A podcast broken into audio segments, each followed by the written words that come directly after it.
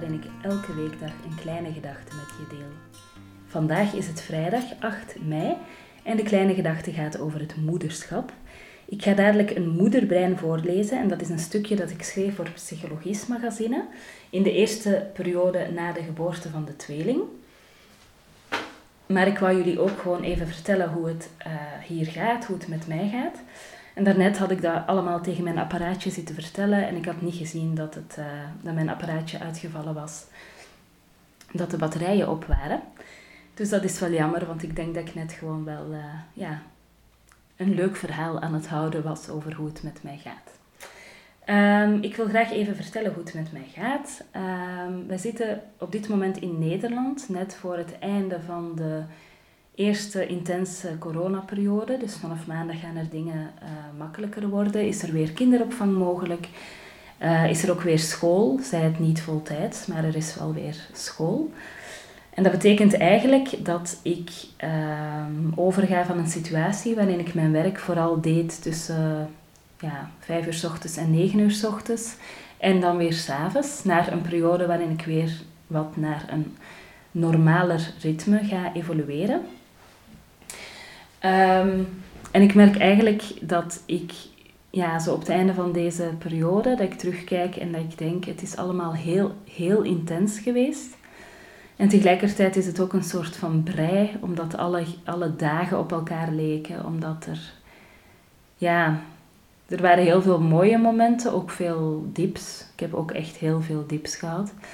Um, maar min of meer leek het alsof elke dag wel bestond uit aan de zandbak zitten en um, ja, mondjes afkuisen, bordjes eten maken. Um, um, ja, gewoon zeg maar die heel banale dagdagelijkse dingetjes, die horen bij het leven met jonge kinderen. En als ik zo terugkijk naar de periode voor mijn werk, dan zie ik dat ik enerzijds wel, ik heb best veel gedaan de laatste tijd. Uh, en tegelijkertijd, um, ja, heb ik ook een soort van achterstand op dit moment. En dat heeft te maken met het feit dat ik heel beperkte tijd had en er eigenlijk geen buffertijd was of zo geen tijd om dingen even goed af te werken, om even zorgvuldig te zijn, om mijn bureau op te ruimen, om um, weet ik veel wat te doen. Dus ik heb het idee dat ik elke ochtend hier aankwam, dan twee à drie uur super intens uh, in een hyperfocus moest werken en dan echt van de ene moment op de andere echt alles laten vallen. Uh, en dan uh, mijn fiets opstappen en weer naar huis en dan de klik maken, de overgang naar de situatie thuis. En ik merk eigenlijk, um, nu dat ik dat toch een aantal weken lang heb gedaan, dat dat niet goed blijft gaan. Dus de laatste dagen zijn er wat dingen gebeurd waar ik eerlijk iets over ga vertellen um, en die mij ook wel doen merken dat het niet helemaal goed gaat op die manier. Wat is er bijvoorbeeld gebeurd? Um, ik heb een deadline gemist en ik was er echt van overtuigd dat die deadline voor een artikel dat die op maandag lag en ik had ook tijd ingepland om aan de tekst te werken. Alleen bleek die deadline al op uh, ja, gisteren te zijn. Iets dat ik niet meer recht kon trekken, uh, waardoor ik nu in een situatie zit dat ik die tekst zo snel mogelijk nog moet af hebben en liefst voor het weekend. En dat gaat ook best veel van mij vragen om het dan in een soort van super tempo uh, te doen en daarvoor ook weer andere dingen aan de kant te schuiven. Maar zulke dingen heb ik echt niet zo vaak voor. Uh, dus ik ben ook echt geschrokken dat het uh, gebeurd is. Um, wat had ik nog deze week? Ik ben deze week um, aan mijn mouw getrokken door iemand die wachtte op iets wat ik zou doen. En ze had helemaal gelijk dat het goed is, of ja, dat het belangrijk was dat ik dat wel even deed, zeg maar. Um, alleen merkte ik dat ik daar ontzettend gestresseerd van geraakte, omdat ik, um, ja, omdat ik het idee heb dat ik heel erg gelimiteerd ben in tijd. Doordat ik ofwel aan het werken ben ofwel bij mijn kinderen ben. En als ik bij de kinderen ben, dan wil ik niet aan het werken zijn, want dat gaat ook niet met een tweeling in de buurt die nog geen twee jaar is en die overal opkruipt en die altijd vallen. En ja, die gewoon niks... Ja, die kunnen van alles natuurlijk, maar die kunnen zich niet aankleden, kunnen zichzelf niet verschonen, kunnen geen drankje nemen voor zichzelf. Dus je moet daar gewoon heel de tijd mee bezig zijn. En ik voelde mij plots zo klem zitten, omdat ik dacht, ik heb, mijn tijd is echt, echt super beperkt. Ik kan een aantal uren werken en ik kan niet ehm, besluiten om dan meer te werken, want dat kan niet, want dat past dan niet in het systeem met het werk van Pieter. Ehm, en ik kan dus ook niet besluiten om, ehm, ja, weet ik veel wat, op, ja, ik kan, het enige wat ik in principe kan doen is nog vroeger opstaan, maar ik krijg structureel al veel te weinig slaap. Dus toen die uh, persoon mij even aan mijn mouw trok, toen uh, kreeg ik echt een soort van intense opflakkering van stress, maar ook van het gevoel dat ik me, niet, ja, dat ik me heel onbegrepen voelde. Um, en ik had denk ik ook een soort angst dat het misschien leek alsof ik uh, mijn best niet deed. Um, of dat ik misschien laks was of geen zin had om dingen te doen. Um, of dat ik lui was of dingen uitstelde. Terwijl ik binnen de beperkte tijd ik heb echt zo hard werk en ik er gewoon niet meer, ik kon gewoon niet meer doen dan dat ik deed. En dat gevoel was zo heftig en ik heb dat denk ik ook naar die persoon toe geventileerd. En ik ben daar ook wel, ik denk best op een beleefde manier, maar wel op een duidelijke manier. En ik ben daar ook best van geschrokken dat dat zo heftig was. Um, en waarom vertel ik dit allemaal? Ik zit hier maar tegen mijn apparaatje te uh, praten. Um, ik kreeg vanochtend, toen ik opstond, had ik een mailtje gekregen vannacht van een mama die vertelde dat ze mij dus een mailtje was sturen. En um, dat, ze, dat het haar speet dat dat mailtje dan pas zo laat kwam. Nu, voor mij helemaal oké. Um, en dat ze vertelde dat ze dus verschillende keren, ja, dat ze eigenlijk dagen over het mailtje had gedaan met de zorg voor de kinderen. En um, ja, dat dingen gewoon niet beter lukte dan dat. Um, en tegelijkertijd, dus dat vanochtend kreeg ik dat mailtje en dat raakte mij ontzettend. En ik krijg de laatste tijd ook vaak mailtjes of reacties van mensen die ik ken en ook van mensen die ik nog niet zo goed ken of niet zo goed ken. Um, die dan aangeven dat ze mij zo productief vinden en dat ze zoveel bewondering hebben voor wat ik nu allemaal doe en voor wat ik allemaal in de wereld zet. En ergens is dat best leuk om dat soort reacties te krijgen. Um, en ik kan mij voorstellen dat het aan de buitenkant lijkt alsof ik een superproductief iemand ben plots. Um, maar ja, zeg maar door dat mailtje dat ik dan vanochtend kreeg, denk ik dat ik heel graag daar toch even iets over wou zeggen. En wat ik wil zeggen is het volgende. Dat ik eigenlijk vaak merk, en uh, dat merk ik in de gesprekken die ik de laatste tijd met vrouwen heb gevoerd en in de mails die ik heb gekregen. Um, wat ik vaak merk is eigenlijk dat uh, moeders van jonge kinderen vaak, ofwel niet creëren, en met creëren bedoel ik echt alles, alle, ja, gaande van schrijven tot uh, tekenen, tot werken, tot whatever, tot een e-mail schrijven die je graag wil schrijven. Dus ofwel creëert men niet en doet men op die manier afbreuk aan zichzelf. En ik ben zelf echt heel lang in die positie geweest dat ik niks deed behalve moeder zijn en uh, dat ik niks creëerde, niks, of ja, bijna niks schreef, bijna niks deed.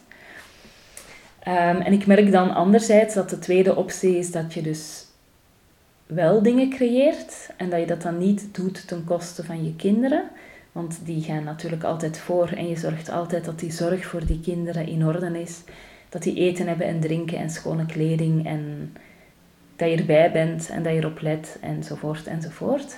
Maar wat ik dan zie is dat moeders het echt vaak ten koste van zichzelf doen.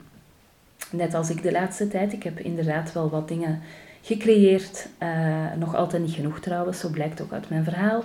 Want ik heb deadlines gemist en ik heb uh, bijvoorbeeld de laatste tijd weinig blogs geschreven. Um, maar wat ik dan merkte is dat um, ik dat echt ten koste van mijn eigen gezondheid doe. Omdat er op dit moment even geen andere optie is. Komt natuurlijk ook door die coronaperiode. Um, dus ik heb veel minder geslapen dan ik nodig heb. Um, ik heb heel hard gewerkt op de momenten dat ik kon werken. Dus niet even gezellig rustig werken, maar echt loeihard doorgewerkt, dat ik er bijna duizelig van was. Ehm, en die intensiteit is, e- ja, dat heeft iets heel fijns. Ik heb ook heel erg genoten van die vroege ochtenden, van het ochtendgloren, van uh, s ochtends door een lege stad fietsen, van het licht zien worden. In het begin van de coronatijd was het nog donker toen ik s ochtends startte en dan zag ik het elke dag licht worden. Ehm, van de intensiteit van het werk, van met jezelf in die bubbel zitten, van het creëren, van het zien van resultaat, van het dingen naar buiten brengen, van de mooie reacties ook die mensen daarop geven. Ehm, dat allemaal, daar heb ik echt, echt heel erg van genoten. En tegelijkertijd besef ik ook dat ik dat heel erg ten koste van mezelf ook heb gedaan. Um, alhoewel dat ik op dit moment ook heel gelukkig, ik ben moe, maar ook heel gelukkig. Uh, en ik heb ook het gevoel dat ik ja, toch op een mooi en een fijn spoor zit met de dingen waar ik op dit moment aan werk. Um, ik heb hier een tekst liggen die ik eigenlijk nog zou voorlezen in de Tiny Podcast, maar ik zie dat ik gewoon al 11 minuten tegen dit, uh, tegen dit opnameapparaat zit te praten. Uh, op basis van gewoon, zeg maar, een beetje wat in mij opkomt. Um, dus dit is, ja, je kan het zien als een soort van experiment. Misschien is het een heel stomme podcast geworden. Misschien is het gewoon een, uh, een heel authentiek stukje verhaal van hoe het op dit moment gaat en waar ik mee bezig ben en wat ik zo aanvoel ook in het contact met andere vrouwen. Dus daar wil ik even iets over zeggen. Um, de laatste tijd, ik ben ook een beetje plannetjes aan het maken voor hoe mijn, uh, mijn bedrijf, bedrijven, ik heb er twee, hoe ik verder ga. Um, en een van de dingen die ik, um, ja, ik ging dat eigenlijk nog niet vertellen, maar ik ga het nu toch doen. Een van de dingen die ik in gedachten heb, is dat ik in oktober een soort van groepje wil starten uh, met vrouwen die dat gevoel hebben dat ze zo geen ruimte hebben om te creëren door bijvoorbeeld het hebben van jonge kinderen um, en dat ze dat wel heel erg nodig hebben. Um, en ik wil eigenlijk een soort van groep begeleiden. Daar ben ik ook dingen over aan het lezen en daar ben ik aan het voorbereiden. Een kleine groep van bijvoorbeeld uh, acht vrouwen die dan met elkaar drie maanden lang elke week uh, een gesprek hebben onder mijn leiding. Um, en dat we eigenlijk met elkaar in die thematiek zitten en daar ook met elkaar een soort steun in zijn. Uh, dus dat is een van de dingetjes waar ik aan, aan het werken ben, omdat ik voel dat daar een soort van nood is. Um, dat is één dingetje. Ja. En een ander ding is dat ik zelf nu de laatste tijd heel veel online heb gewerkt met de online cursussen die ik aan het maken ben. En op uh, 1 juni start ook de 30 Days of Morning Pages cursus. Dus daar ben ik nu ook aan aan het werken. En ik merk eigenlijk heel vaak in het contact dat ik heb met mensen die mijn cursussen volgen, dat zo de wens naar echt contact, dat die er ook is. Dus ben ik ook dingetjes aan het onderzoeken om ergens in uh, februari, maart, in die periode, een weekend te organiseren waarin um, bepaalde thematieken rond creativiteit um, aan bod komen in sessies, maar ook cirkels van delen met elkaar en ook gewoon deugddoende dingen zoals wandelen of uh, eventueel een yogales of whatever. Dus dat ben ik ook een beetje aan het onderzoeken uh, of dat een goede optie zou zijn, omdat ik ook voel uh, dat dat online werken heel fijn is en heel goed werkt. Um, en tegelijkertijd voel ik ook echt zo'n verlangen naar verbinding en ontmoeting. En dat voel ik denk ik ook bij de vrouwen die mijn, uh, of bij de mensen, maar vooral de vrouwen dan, die mijn cursussen volgen. Dus uh, dat allemaal. Um, ja, mijn tekst die hier klaar ligt om voor te lezen, die ga ik dus um, misschien meenemen voor maandag. Maar sowieso liggen er ook nog synchroniciteitsverhalen. Uh, dus ik ga dit weekend even kijken wat er volgende week in de Tiny Podcast komt. Uh, en bij deze heb ik uh, gewoon spontaan een tiny podcast volgepraat, uh, wat ook wel een grappige ervaring is. Um, even denken. Reacties zijn welkom. Um, misschien ook als je iets wil zeggen over die plannetjes die ik, net, die ik net benoem. Als je daar een reactie op wil geven. Dat helpt mij altijd als mensen even wat feedback geven of even meedenken. Dus altijd welkom om daarop te reageren. En dan wil ik bij deze de Tiny Podcast afsluiten voor deze week. Um, ja, ik heb normaal altijd zo'n tekstje wat ik dan voorlees. Uh, en dan zeg ik, je kan me volgen op Instagram, TheTinyPodcast. Je helpt me door deze podcast wat sterretjes te geven op iTunes, een review achter te laten en of hem door te sturen aan iemand anders die er misschien graag naar luistert. En wat ik dus nog even wil zeggen is dat ik een uh, moederdagactie heb met de cursus uh, eh, 30 Days of Morning Pages. Die begint op 1 juni en die cursus um, gaat er eigenlijk over dat je 30 dagen, het hoeven, niet, hoeven geen aaneengesloten dagen te zijn, maar gewoon 30 dagen, um, um, intuïtief gaat schrijven, elke dag een beetje.